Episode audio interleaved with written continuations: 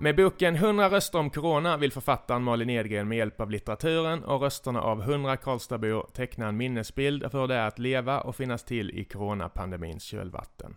Och nu har jag äran att ha henne hos mig. Välkommen hit Malin! Tack så mycket för att jag fick komma. Ja, du har cyklat ända hit från eh, Hagalund. Ja, det var ett större äventyr än jag hade väntat mig. Vi fick, vi fick prata ner dig i 45 minuter innan du fick tillbaka Ja, det stämmer, Anna. men jag tror att jag har slutat eftersättas nu. ja, absolut. Såg du många studenter på vägen hit? Eh, ja, ett par stycken. Mm. Några bilar och några föräldrar med plakat. Inte så många ändå. Vad väcker det för känslor hos dig? Ja, jag tycker det är mest positivt. Jag, jag minns eh, min student med värme. Det var en ganska härlig tid, tyckte Mm. Ingen ångest?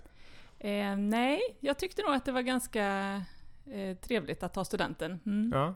Jag blir alltid lite vemodig, så därför håller jag mig hemma idag i, Mm. i huset där. Mm. Jag br- brukar se dem när jag sitter på kontoret nere i stan och så får Mm. jag så dubbla, eh, dubbla känslor alltid. jag vet Ja, inte om det är existentiellt som börjar Det är ju känslosamt, så är det ju. pocka på. Mm, Ja. mm. Jag är glad att de kan ta studenten ändå i Ja. dessa tider, även om det blir på ett annat sätt. Ja, precis. Lite Mm. drönare i luften och sändningar och så vidare. Mm. Ja, vi önskar dem lycka till. Det gör vi. I din kommande bok så kommer man få läsa 100 olika vardagar. Vi kommer att prata om det alldeles strax. Men hur Mm. ser din vardag ut nu? För du är författare, det, det Mm. sa jag i ingressen. Mm, Och stämmer. på heltid då, eller? Ja. Ja.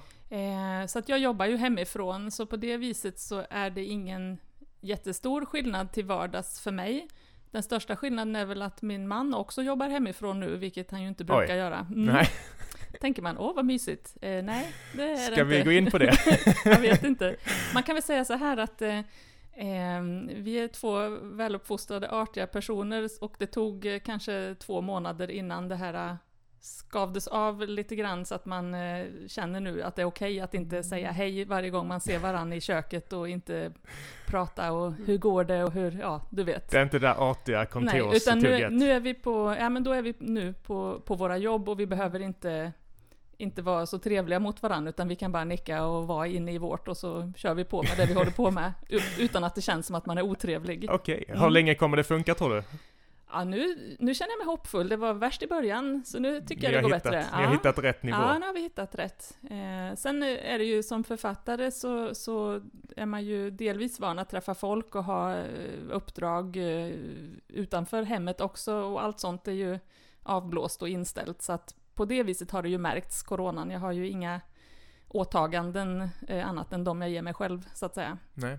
Vi ska prata lite om eh, vilka uppdrag och lite planer och sådär du har Mm. framöver. Men just det här med att vara författare och ha sällskap hemma. Jag älskar att sitta själv Mm, hemma. Eh, här. Gärna i, i mysbyxor och något eh, sjaskigt Ja. eh, basketlinne liksom. Just det, och i vilket rum man helst vill just då. Mm, Ja. Mm.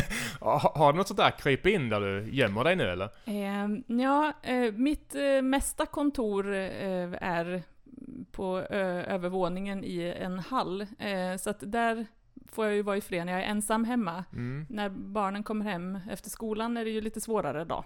Sen eh, har min man satt sig på vårt kontor där jag har min bästa fåtölj där jag brukar sitta och korrläsa och, och slöskriva när jag inte liksom måste sitta ergonomiskt. Eh, och det kan jag ju inte nu då. Okej, vi lämnar ämnet. Jag Mm. ser att det börjar bli känsligt. Nej, Nej då. Nej jag skojar. Eh, som sagt, jag brukar alltid börja med lite snabbfrågor för att lära känna mina, mina gäster, om, Mm. det, om det låter okej. Ja, absolut. Så ska vi prata mer om din bok sen. Fullständigt namn? Malin Maria Edgren. Född och uppväxt var? Jag är född i Stockholm faktiskt, Mm. men kom till Värmland som ettåring. Eh, har bott eh, på några olika orter i Värmland. Deje, Forshaga, eh, Fagerås, Karlstad. Sen så tillbringade jag ungefär 15 år i exil i Östergötland, eh, studier, jobb och kom tillbaka till Karlstad eh, för ungefär 10 år sedan. Trivs du? Ja, det gör jag. Jag tycker mycket om Karlstad. Eh, men det är en speciell känsla att komma tillbaka. Det finns ett eh, utanförskap som är lite svårt att överbrygga. Eh, På vilket man... sätt?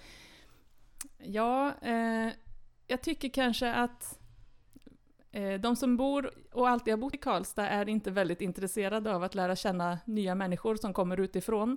Jag kanske blir hatad för att jag säger det här, men det tycker jag verkligen. Och Stäng jag, inte av. jag vet att eh, vi som kommer utifrån förenas i stor utsträckning av den känslan. Mm. Och det, det tycker jag var lite, lite överraskande. Jag trodde att jag flyttade hem, men det känns som att jag flyttade till något nytt ställe när jag kom hem igen efter så lång tid. Okej, Mm. det var ju deppigt.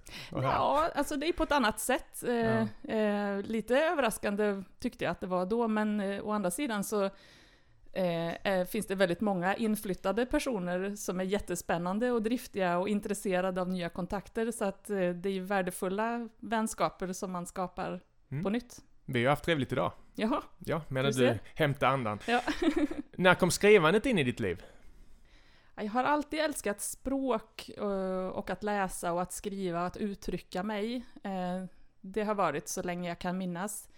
Ehm, Men att ta steget och, och skriva litteratur, det kanske är en fem, sex år sedan som jag liksom på riktigt kände Jaha. att jag, nu, nu gör jag det här. Okej, varför så lång eh, startsträcka? Ja, jag, vet, jag tror att det kan vara den här liksom, man måste ju ha ett riktigt jobb också. Eh, fast att eh, skriva litteratur är inte bara arbetsamt, det är ett riktigt jobb eh, som kräver väldigt mycket utav en. Men jag fick utlopp för mycket av mitt, min skrivglädje i tidigare jobb. Jag jobbade ganska länge som utredare till exempel.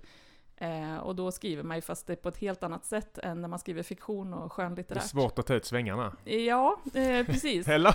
Ja, det är det ju. Där gäller det ju istället att vara väldigt precis och inte utlämna någonting för att den som tar emot en rapport verkligen ska förstå Mm. budskapet. När man skriver fiktion så behöver man ju istället träna sig på att lita på den som läser. Att den också... Att de skapar Ja, berättelsen, lite eller? så. Och det är en ganska stor skillnad, men det är väldigt spännande tycker jag. Mm. Och det är en utmaning för mig. Mm. Bra träning ändå, var Mm. tydlig och så vidare. Mm. Ja, Jag såg precis innan du kom faktiskt, så var jag Mm. inne och snokade lite på din Facebook. Mhm. Och då såg jag en länk där din pappa Hasse läste sagan Rödluvan och vargen. Ja. Och jag blev, vad är detta? Och jag, jag kunde inte sluta titta. Väldigt Nej. mysigt. ja. Berätta om det. Var, var han en inspiratör? Är han en skrivande man? Eh, han är inte kanske en skrivande man, men han är en läsande man och Ja. har, tror jag, betytt egentligen allt eh, för mitt språkintresse. Har varit högläsning ända sedan barnsben. Eh, mycket för att han älskar att läsa själv och läsa högt. Mm? Och det där har liksom smittat av sig på mig. Jag älskar också att läsa högt och läser för mina barn och ja, så. Vad Eh, han läsa för dig? Ja, ganska avancerade böcker ganska tidigt. Jag tror att vi läste Albert Camus.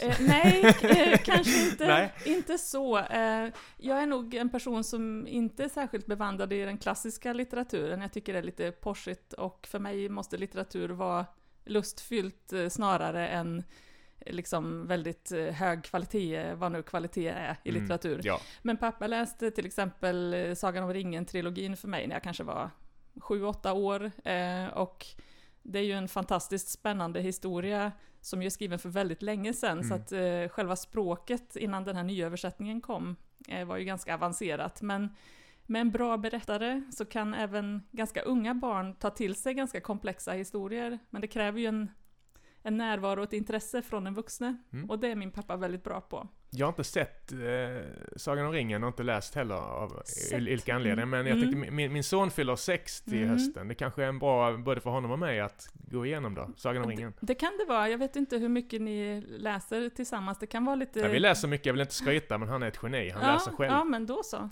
Då kan det nog. Ja. Vad gör du helst en ledig dag? Ehm, ja, eh, oftast så tycker jag om att läsa. Just nu är jag inne i en period när jag inte riktigt har ro att läsa. Eh, men eh, det tycker jag om när jag är ledig. Jag tycker också om att vara i min trädgård. Jag är mycket sådär, jag gillar att vara hemma. Mm. ehm, I trädgårdsarbete och umgänge med mina barn. Det låter kanske lite så här klyschigt, men det, det är jätteviktigt för mig. Och det är Mm. ett sätt att koppla bort eh, jobbet som snurrar i huvudet.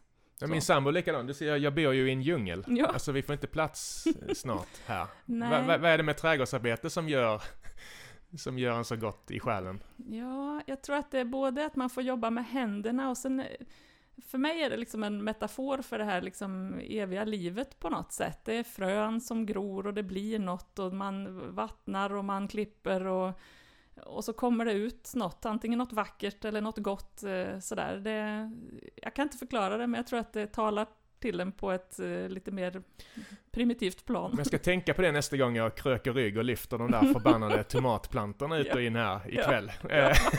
har, har du någon udda talang? Mm. Ja, vad är udda egentligen? Nej men lite, mm. lite party trick som du Aha. kanske inte alltid vill visa upp men som du är duktig på? Ja, jag, jag är nog inte så partig överhuvudtaget. Måla med tårna och så ja. vidare, lite, du vet. Nej, det enda jag kommer att tänka på när du frågar det är att jag, jag är en jäkel på att hitta svamp och det är lite roligt eftersom jag inte alls äter svamp. Nej. Eh, så att jag är ganska populär på så vis att jag konkar hem Kasta eh, kassar med kantareller och sånt där till andra då ja, ja. istället. Eh, men det är ju kanske inte ett partytrick. Nej, men du borde ju få nya värmländska vänner på det. Ja, ja. Tycker jag. Det tycker man ju. ja, den här boken önskar jag att jag hade skrivit. Mm. En man som heter Ove. Jaså? Fredrik Backman? Fredrik Backman är min absolut största idol. Han är en av vår tids absolut största svenska författare skulle jag säga. Jaha, jag trodde vi skulle prata, prata rysk svår litteratur Nej, idag. jag är ingen svår människa Nej. på det sättet. Nej. Jag, jag, gillar samtiden, och, men jag gillar djupet eh, på riktigt. Mm. Eh, och det tycker jag han gör så han, fantastiskt. Han fångar känslor och ja. väcker känslor, eller? Han fångar känslor, han fångar människor och människans komplexa natur. Det, I alla hans berättelser, alla hans personer är levande människor som har både bra och dåliga sidor. Eh, och han gör det så träffsäkert så att alltså, man kan både skratta och gråta och känna igen sig och Ja, jag vet inte, jag kan inte riktigt sätta ord på det, men jag tycker det är helt fantastiskt allt han skriver egentligen. Mm. Han kan skriva en ganska tramsig historia, men ändå göra karaktärerna så fantastiska så att det är värt att läsa mm. det ändå. Jag var ute och skällde på en tonåring som vars hund kissade på vår nysatta tujahäck häromdagen. Mm, Då mm. kände jag mig eh, som en man som heter Ove. Ja, ja, jag där. Vi känner alla eh, en man som heter Ove tror jag, och det bor kanske en liten Ove i oss allihop. Det börjar växa fram kanske. Ja. ja. Eh, vad är Karlstad för dig? Vi pratade lite om det innan mm. vi började här. Mm. Eh, både för och nackdelar med, med Karlstad. Vi ska inte gå in mm. på det vi pratade om då. Nej. Tror jag. Eh, för mig är det nog solen och eh, inte bara vädret utan framförallt eh, den här eh, Lasse Sandbergs sol som mm. finns i kommunloggan. Eh, jag har alltid älskat uh, Inger och Lasse Sandbergs uh, böcker och karaktärer, och Lilla Anna och Laban och de här, och solen för Pulvret, mig ja. uh, påminner mycket om det. Och sen är det ju ofta sol och väder här också förstås, men det, det är nog Karlstad för mig. Det och kanske Klarälven, det här ständiga närvaron av vattnet som jag tycker är så viktigt i en stad. Ja, det är man ju bortskämd med här. Det är det mm. många som säger. Nu är ja. du ju Butta, men de som kommer hit och ja. hälsar på och så vidare pratar ofta om det nere i stan ja. och tittar vad vackert det är. Och det är en viktig... Man blir lite hemmablind tror jag. Ja, ja, kanske. Jag har ju bott på andra ställen så att jag har till exempel tillbringat ganska många år i Linköping som är det finns lilla stångon som man har gömt någonstans mm. som ingen hittar till. Det, det, är fruktansvärt att bo i en stad utan vatten. Center eller? Ja, precis. Den liksom går där, där runt omkring. Sen flyttade jag till Norrköping istället, som ju på det viset liknar Karlstad ja. och kände mer att jag måste bo i en stad med vatten. Och Karlstad har vatten och det är väldigt härligt. Det är viktigt. Vi ska komma in lite på eh, skrivprocessen. Mm. Men först, vi pratar aldrig om hur många böcker du har gett ut. Jag var inne på din hemsida. Mm. Jag har gett ut fyra böcker. Fyra böcker, mm. ja. På, på fem år då? Nej, eh, Nej, på två och ett halvt år. Oj. Ja. Eh, det tar ju ganska lång tid från att man får en idé till eh, att det finns något som går att trycka och komma ut. Så att, eh, den första boken tog väl längst tid på det sättet att göra. Jag är intresserad av skrivprocessen, hur mm. man som författare, jag har också gett ut, det pratar vi om, jag har också gett mm. ut några böcker, men det, det, det går inte att kalla mig författare, det är mest barnböcker och tramsböcker och sådär. Men ni är riktiga, alltså hur tänker ni innan ni ska påbörja ett projekt? Hur, hur mm. lägger ni Har ni ett skelett? Har ni början och slut och karaktärerna? Eller hur, hur gör man? Jag är intresserad av hantverket. Ja, jag, jag, vet inte hur andra gör. Jag har inte gått kurser och sådär, utan jag kan bara uttala mig om hur jag gör. Men um, det börjar ofta med en, eh, en känsla, en, en övergripande händelse, en scen, någonting som jag känner starkt för och så får jag en idé som jag spinner runt. Eh, men sådana får jag hela tiden. Jag har, Vad kan det vara för något? Ja, men det kan vara liksom en, en eh, uppslitande relation med en nära anhörig till exempel, hur det känns, hur det är att eh, ha eh, en taskig uppväxt kanske, eller hur det känns att få sitt hjärta krossat, eller vad det nu kan Mm. vara för någonting. Backman-känslor? Ja, på riktigt. Alltså sånt som, som går rakt in och då, då brukar jag ju ofta eh, låna ifrån mig själv, inte kanske precis eh, eh, e- exakta saker som har hänt, men, men känslan behöver finnas där för att jag ska kunna beskriva den. Och sen så spinner jag en historia runt, men det här gör jag hela tiden, så jag har liksom uppslag till kanske tio böcker som jag inte har skrivit än. Så att där, sen måste man ju bestämma sig för, men okej, vilken satsar jag på då?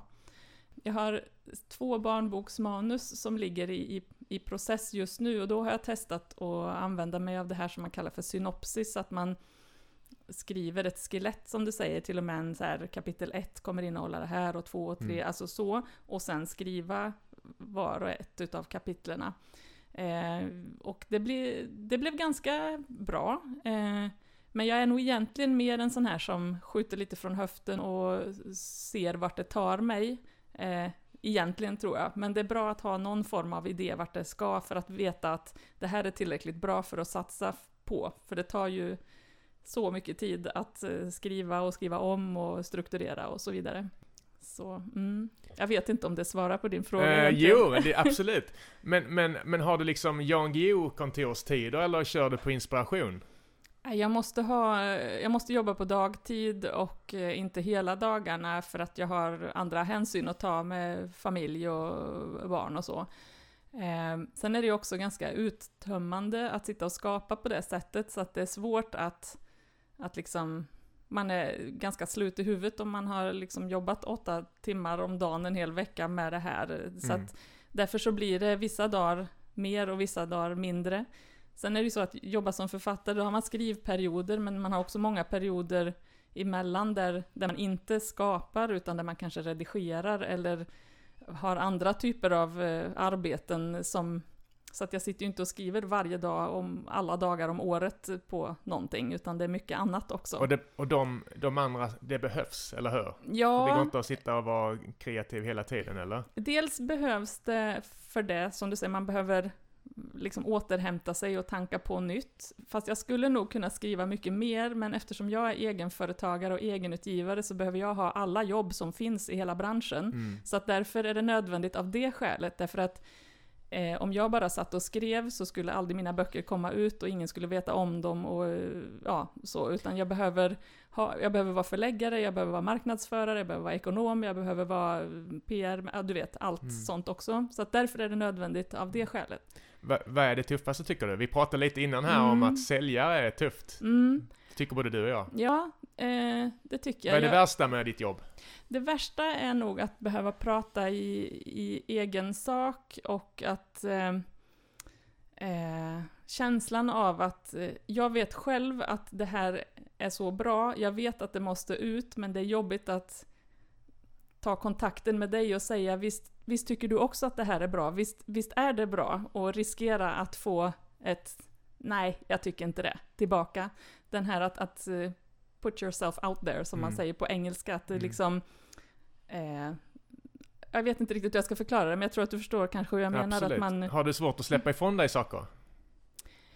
Nej, det tror jag inte att jag har. Eh, och av något outgrundligt skäl så, så tror jag väldigt starkt på det jag gör. Ibland känner jag så att jag vet inte varför jag gör det, för jag tycker inte alltid att jag har så mycket ah, extern anledning att tro på det jag gör, men jag har ett starkt inre driv. Mm. Eh, så att jag känner ofta att jag går och väntar på att rätt personer ska bara upptäcka det. Eh, och det, det är en ganska strävsam väntan ibland. Välkommen till Karlstad kallar. Jag såg även att du var med i Värmländska författarsällskapet. Det Ja. blev jag lite nyfiken på. V- vad gör de? Vad gör ni? Eh, jag är väl kanske inte någon väldigt aktiv medlem så, men det är ju en sammanslutning som en intresseförening för oss som skriver och som finns i Värmland. Ja. Eh, det brukar väl, det finns ett nyhetsbrev och eh, finns en närvaro på Värmländska bokfestivalen och, och lite så. Eh, och de medlemsmöten som är där, man har också möjlighet att ha högläsning och berätta för andra om sina projekt och så. Men Okej. eh, jag, jag har, är inte jätteaktiv medlem utan det, Och så tänkte jag, det skulle jag fråga tidigare, men de som lyssnar på det här och känner att de skulle vilja börja skriva, vad har Mm. du liksom, har du typ två, tre bra enkla råd till dem? mm, Jag mm. minns ju ett råd som jag tog till mig lite grann, att man ska aldrig låtsas att man är en författare. För om man börjar låtsas att man är en författare, nu ska jag sätta mig här och skriva en bok, då Mm. skriver man på ett lite speciellt sätt. Mm, mm. Du vet, eh, där stod lupinerna och lutade sig, du vet, att det, det, Mm. blir, det kan bli jättesnett, utan man måste utgå från sig själv, eller hur? Ja, men det tror jag också. Och jag tänker man ska inte vara man ska inte vara så självkritisk och så em, liksom resultatinriktad om det går. För jag, jag tror att många kan liksom fastna vid så här, men åh, jag måste ha den perfekta början, hur börjar jag? Jag, jag är med så här, börja någonstans. Det finns alltid tid att redigera sen, men liksom skriv. Mm. Bara, bara våga. Eh, jag jobbar själv så mycket när jag skriver att jag liksom har en inre dialog när mina personer gör saker, så sitter jag och funderar i mitt huvud liksom, mm, men hon kanske säger så här, eller så, nej, ja, eller ja. Och så eh, liksom växer det fram på det sättet. Jag ställer mig själv frågor, kanske är det så här, kanske tycker den det, kanske händer det här. Det hjälper mig mycket, eh, för att då känner jag ofta om det var så att den personen sa så eller gjorde så. Eh, så. Men när man börjar så kan man ju det finns ju många roliga skrivövningar som man kan ta, ta till eh, och många bra skrivböcker eh, med råd, men just det här att försöka träna sig på att flödesskriva och att inte vara så självkritisk. Ingen bok du läser är exakt så som den skrevs från början, inte ens Leif GW Persson, trots att han säger att han aldrig redigerar någonting, Nej. utan skriver från början till slut. Punkt. Ja, ja. Det tror jag inte ett ögonblick Nej. på, även om han är rutinerad. Men jag menar, det... Och, och man måste, tror jag, känna lusten att skriva. Det, det är en lustfylld process. Eller, man måste känna lust, det låter ju konstigt, men ehm, om man inte gör det så kanske man ska börja från ett annat håll eller Mm. någonting. Det, meningen är ju att det ska ge en någonting. Att man ska gå in i den här fantasivärlden eller koppla på känslan eller skapa. Eh, och att skapa och känna prestationsångest samtidigt, det är ofta en ganska dålig kombination. Så. Absolut. Hur känner du när du har flow? Går det att förklara? Ja, det är som ett rus, det är liksom tiden försvinner och man bara... Eh, jag känner ofta kanske en liten stress att jag inte ska hinna skriva tillräckligt fort för att få med allting som jag känner kommer. Det är som en fors liksom. Eh, men det är mest en väldigt, väldigt härlig känsla och man blir ganska tom efteråt sen, men den kan hålla i sig i, ibland i dagar, veckor, månader beroende på Okej, så. Det, Ja, var, det vara. låter lyxigt tycker och då jag. blir, ja, fast det blir ju så här, åh nej, nu måste jag sluta för nu kommer barnen hem, oj, jag måste visst sova också, det har jag inte tid med. Alltså, Kom du din vet, man i morgonrock förbi Ja. hallen. nej men det blir lite, lite maniskt, är väl nackdelen kanske med det. Ja. Men det.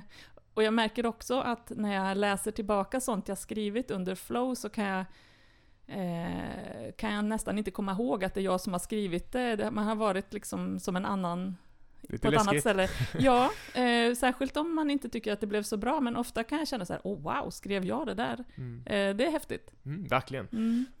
Vi pratade lite, något som jag tyckte var väldigt intressant när jag gjorde research på dig. Det Mm. var eh, en hashtag som heter läsa på jobbet va? Mm. Typ mental friskvård, eller hur ska Ja. man uttrycka det? Ja, så tänker jag det. Att, Ja. eh, Är det, är det din idé från början eller? ja det, det är det. Den bygger ju lite grann på den här eh, tanken som finns inom det man ibland kallar för biblioterapi, eller shared reading, som kanske en del har talas om. Och det handlar ju om att det händer någonting med oss när vi läser, och det händer ännu mer när vi läser tillsammans och delar den upplevelsen med varandra. Och det är ett sätt eh, inom Eh, ja, när man vill till exempel bryta utanförskap och skapa sammanhang eh, som ibland vänder sig till, till människor i kris eller eh, i utanförskap. Men som jag ser det så, så behöver det ju inte vara kris och panik för att man ska kunna hämta de goda eh, effekterna av läsningen. Och då tänker jag mig ungefär att likväl som vi människor består av en kropp som behöver må bra eh, med liksom mat och motion och allt vad det kan vara, så har vi ett psyke som vi behöver friskvårda också. Och eh, att vara i en arbetsgrupp är ju inte alltid alldeles okomplicerat. Man behöver kunna känna tillit och förtroende för varann för att lösa den uppgiften som man har att lösa. Och eh, på samma sätt som att ja, människor måste må bra i kroppen så, så tror jag på att man kan uppnå en större tillitsfull situation eh, om man läser tillsammans och liksom upp, delar den sortens upplevelser tillsammans och mår bättre. Så, så, så, så hur kan det gå till? Alltså det, det, är en som läser och de andra lyssnar eller? Ja, det blir högläsning i grupp då. Ja. då vi, det bästa är om man kan variera eller om samtalsledaren läser, men att även de som deltar kan läsa. Det känns väldigt osvenskt på något sätt. Ja. Att, vi, att, vi, har- att vi har svårt att ta in sånt. Att det kanske känns läskigt och, och skört och så vidare. Vi vill ju helst sitta i varsin etta och läsa våra egna böcker, eller? Ja. Hur har mottagandet varit? Eh, det är, egentligen så tror jag kanske mer det har med åldern att göra, för barn gör ju det Mm. här. Eh, och för barn är det naturligare, men vi tappar det någonstans längs vägen, eh, vilket jag tycker är trist och Ja, bekymmersamt. när tappar man det? I tonåren? Ja, jag tror att man tappar det tidigare än så tyvärr. Jag tror att eh, förskoleåldern är ju barn fantastiskt öppna och, och mycket för det här med högläsning, mycket säkert beroende på att de inte läser själva. Mm. Men sen hamnar man i den här eh, sitsen när man ska knäcka läskoden. Alla gör inte det med lust, eh, men då går det ju mycket ut på att man ska läsa själv. Och där Okej. någonstans så slutar högläsningen och det gemensamma. Eh, jag tror att föräldrar kanske tacklar av när det gäller högläsning också. Själv eh, läser jag för mina barn fast de är 12-13 år och jag hoppas få fortsätta länge till. Men eh, en del tror jag kan tänka att ah, ja, men nu när du kan läsa själv, då får du läsa själv och så tappar man det här gemensamma. Men jag skulle tro någonstans i skolåldern så slutar vi med högläsning. Eh, men det har oerhört eh, hälsosamma Men det är väldigt effekter. mysigt när man läser. Ja, det är mysigt och det, det är också en bra samtalsstartare och det är därför jag tror det kan funka på arbetsplatser just för att man får både upplevelsen av att höra och ta in en text som väcker känslor i en, men du får också diskutera det med någon annan och höra ”jaha, du uppfattade det på det sättet, det har jag aldrig tänkt på” eller så kan man ju också, och så blir det intressanta samtal kring både vem man själv är och vem du är och hur vi kan förstå varann eller vart vi står, alltså du vet så. Mm. Och, och du, du kan komma ut i företag och liksom berätta om det här och visa upp det, eller hur? Ja. Eller hur? Och jag tänker att jag kan, jag, jag kan leda den här eh, samtalscirkeln till en början, början, ja. eh, för att kicka igång det och se hur, hur det kan fungera. Och jag tänker då att en, en, grupp som fungerar bra tillsammans jobbar bättre tillsammans och det i förlängningen blir ju någonting positivt för arbetsgivaren också därför att det kommer bli bättre produktivitet. Ja, personalvård, Ja. helt enkelt. Mm. Den stora anledningen till att jag ville att du skulle komma hit idag var när jag fick höra om det här 100 röster om eh, Corona-projektet. Mm. Och titeln säger ju mycket, men, men, men med dina ord, Mm. för någon som aldrig har talat om det, hur Mm. skulle du vilja förklara det? Jag skulle vilja beskriva det som ett kollektivt skrivprojekt Mm. där en promille av befolkningen i Karlstad kommun får ge sin bild av vad det innebär att leva och vara människa mitt i den här våren, försommaren 2020, som vi alla har en relation till, eh, men där erfarenheterna av det kan se väldigt olika ut beroende på vilka omständigheter vi har i våra liv. Mm. Så det han, syftet är att berätta, bearbeta och bevara så att det blir en minnesbok till slut av de här berättelserna då som vi fysiskt kan bevara. Jag, Mm. jag tyckte det var en fantastisk idé, alltså även om metaperspektiv. Dels blir det ju alltså något att bevara. Hur, Mm. alltså, man får verkligen väldigt många exempel på vad folk kände, hur de Mm. mådde och samhälls... Ja, i realtid. Mm. Ja, i realtid. Mm. Och sen, sen även det här kollektiva känslan som det kanske skapar för de som var med Mm. också Mm. just nu. Det är kanske Mm. hundra personer som mår bra av att vara med, vara med i det här nu Mm. och så skapar de något nyttigt för de andra. Mm. Ja, men jag tänker så Så också. kliar dig väldigt mycket på ryggen nu, men jag tyckte det var väldigt behjärtansvärt Ja, projekt. ja, det, Hur kom du på idén? Ja, det är ju det här att jag, jag får såna här idéer när jag tänker på eh, skrivandet och läsandet och språket. Jag, jag tror stenhårt på att vi människor behöver det. Och sen när vi då befinner oss i en situation som är helt ny för, för oss egentligen. Vi har aldrig sett något sånt här förut, så blir jag ju nyfiken på vad det gör med oss, både när det händer och på sikt. Och sen är jag intresserad av liksom samhällsfrågor och hur, hur grupper fungerar och vad, vart vi ska och vad det blir och sådär. Och då tänkte Mm. jag någonstans att om man kan göra ett arbete medan det här pågår så skulle det säkert vara väldigt spännande, både för mig men ja, av de här skälen som du räknar upp också. Mm. Och jag såg det var en väldig spridning, 7 till 88 år är Mm. deltagarna Mm. till exempel. Ja. Och, och, och det ska vi också säga nu, jag är lite tvåa på bollen här men Mm. du har redan fått in de där 100, det var verkligen inga problem att engagera folk och Nej, så. så. Nej, det, det finns tyvärr inte utrymme för fler personer i projektet, eh, är det. Men däremot så kan man ju ändå få feeling och vilja skriva. Det pågår ju Värmland skriver tävling till exempel och sånt där. Så att det Precis. finns andra skrivprojekt man kan... Mm.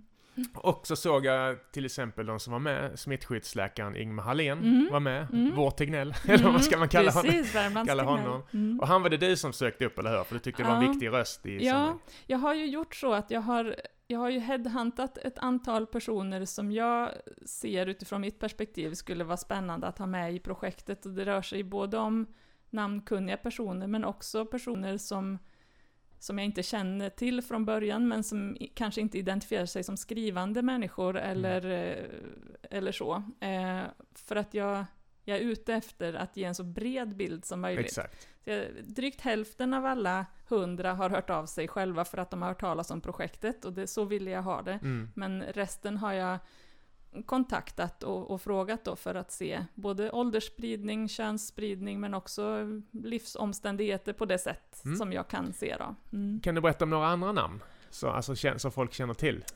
Ja, det kan jag. Vi har ju biskopen är med, Mm. eh, landshövdingen är med, kommundirektören.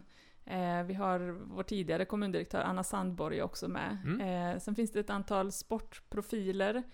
Eh, vi har eh, lagkaptenen för Färjestads A-lag, eh, eh, damerna, eh, som är med och skriver. Vi har en crossfit-atlet eh, och Björn Goop som ju är travtränare Ja. och kusk. Ehm, mm, sen har vi Olof Wretling med till Mm. exempel som en kulturperson. Han är härlig. Mm. Stefan Holm kommer att göra en, en tolkning av vår tid fast i lego då, så blir det inte en text utan en bild. Okej. Eh, och så, så det, det finns liksom ja, eh, spridda skurar så på, inom liksom de lite mer namntunga då. En Mm. del företagsledare och eh, finns med också. Eh, Spännande. Mm. Och har du hunnit få in och har du läst något nu Mm. eller? Har du det? Det Bara Kan du ge någon liten nugget? Ja, jag har väl fått in ungefär 40 bidrag av Ja. 100. Eh, och eh, ja, jag, jag är helt tagen av eh, det allvar som eh, de som skriver har, har tagit uppgiften på. Det är Mm. väldigt starka eh, personliga berättelser i regel. Och väldigt varierande också. Det finns allt ifrån jag går upp 06.30 och sätter på kaffet och sen en redovisning av hur en typisk dag kan se ut med klockan 14, dagens Anders Tegnell på TV, och, ja, eller Mm. ja, du vet så. Mm. Till eh, eh, poesi, eh, brev till en saknad vän, eh, både tankar om den oro och den saknad man känner nu, men hopp inför framtiden kanske, eller inte hopp inför framtiden. Ehm, ja, det, det, alla, alla bidrag jag har läst hittills, eh, och jag tror det kommer fortsätta så, tycker jag väldigt mycket om. De, det är precis så som jag hoppades att det skulle bli. Mm. För det blir en hel, en hel palett här. Precis. Ja, för det var, det var en fråga som jag tänkte ha. Mm. Alltså, det finns ju mycket positivt med pandemin också. Jag vet, Mm. jag har pratat med folk i andra podcastintervjuer Mm. om det. Till exempel för egen del att man, man kommer nära, ovanligt nära, nära och kära till exempel. Det känns som Ja. vi börjar oss omvandla lite mer nu. Ja. Eller? Har, har du fått någon sån feeling när du har läst lite grann nu? Ja, eh, det kan jag nog tycka. Både, både nära naturen och också tankar kring vad som är viktigt på riktigt. Och då är det väl ofta relationer som hamnar i fokus. Och det, det tycker jag känns väldigt gott. Mm. Eh, ja, det måste jag säga. Eh, det, men det är också det här att det som framkommer för mig är, och det trodde jag nog att det skulle göra också, det är att vi påverkas alla av coronan, men Men upplevelserna ser så annorlunda ut. Så att när jag träffar personer som jag möter på Stadsmissionen till exempel, så ger ju de en helt annan bild av möjligheten att vara solidarisk med andra, eh, eh, att, eh, att kunna ja, hålla, hålla avstånd och så vidare. Det är Mm. inte väldigt lätt om man är fyra personer som bor på en parkbänk att Nej. hålla socialt avstånd och det är så himla viktigt att vi får med det också, röster som normalt aldrig tar plats i debatten.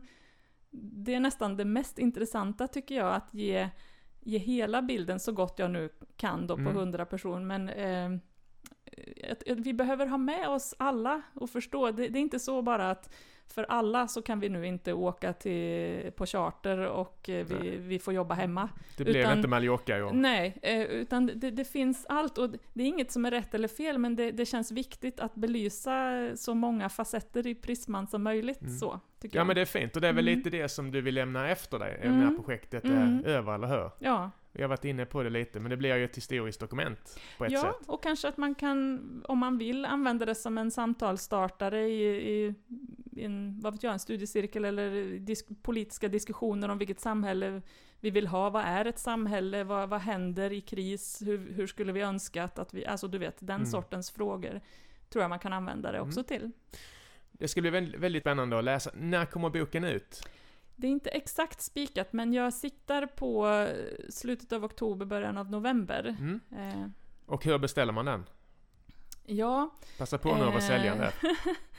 jag, ko- jag kommer att ta emot förhandsköp eh, köp, eh, från om ett par veckor, men sen kommer den ju tryckas och finnas att beställa på nätbokhandel och annat när den kommer. Men vill man vara säker på om man till exempel vill ha ett större antal eller så, så kan man väl ta en kontakt med mig via hemsidan och, och så, så att det är Vad har du säkert... för adress? Kom igen nu, du har Ja. precis varit på P4. Ja, men det här är inte P4. Varsågod. Nej, ja. Nej men det är mitt förnamn, efternamn.se, malinedgren.se är Ja. min hemsida och där finns alla kontaktuppgifter. Mm. Jättebra. Mm. Sen, sen, sen så tänkte jag det här, ovissheten Mm. just nu. Mm. Alltså jag märker själv att man griper efter små, små Mm. halmstrån. Till exempel i mitt fall som att fotbollen har börjat dra igång. Att det Mm. känns som att det är väl skönt, inte för att man orkar titta på alla matcher, men just för att man känner att Någonting Det- är normalt. något Mm. är normalt, Mm. exakt. Mm. Det var den känslan. Va, vad har du för hemligheter för att få vardagen liksom att tuffa på? Eller, Ja. eller, eller behöver du det? Du kanske är nöjd i, som det är, men... Ja, av och till behöver jag det. Jag, jag går ganska mycket upp i, mitt, i mina projekt och liksom att få vardagen att funka och, och, och, och så. Men ibland så här, liksom drabbas jag också av den här liksom känslan att åh, gud vad, hur, hur lång tid ska det ta? Hur, jag, jag blir alldeles matt liksom och, och orolig. Mitt sätt är väl att kanske inte ta del av för mycket av nyhetsrapporteringen, för det mår jag inte bra av. Och att försöka fokusera på det jag, det jag kan göra. Och då är det ju här skapandearbetet en väldigt positiv kraft. Mm. Eh, så. Men eh, visst känner jag oro både för liksom det ak- akuta läget just nu och hur länge det ska pågå, men också vilka konsekvenser det kommer få i samhället och för politiken och annat sånt. Människor under press är ju inte jättesmarta och fattar inte alltid de bästa besluten och vi ser det ju överallt i hela världen med ledare och politik och annat som går enligt mitt tycke då åt, åt fel håll med mer liksom totalitärt och nationellt och annat sånt. Det känns oroligt Man tycker får jag. se alla sidor. Ja. Och, och, och hur tror du vi kommer reagera och, och må? Alltså, när det här är över? Det Ja. kanske inte blir sådär, det är över på tisdag 17.00. Men, men vad har du för tankar kring när vi kan fira? Ja, jag vet inte alls när, men när det väl blir så tror jag ändå att det kommer att kännas lite som någon sorts efterkrigsstämning, sådär en uppsluppenhet, en glädje, ett firande, tror jag. Däremot så är jag inte riktigt säker på att vi eh, på lång sikt kommer att ha, ha lärt oss så väldigt mycket som jag önskade att vi skulle kring det här med vad är viktigt på riktigt och relationer och omtanke om våra medmänniskor och om miljön och så vidare, utan jag är rädd för att när firandet är över så, så har de flesta för sig att vi ska tillbaka till så som det var innan, Mm. vilket ju inte alls är hållbart heller. Tusen tack för att du kom Malin och, Ja. och lycka till framöver. Tack så mycket.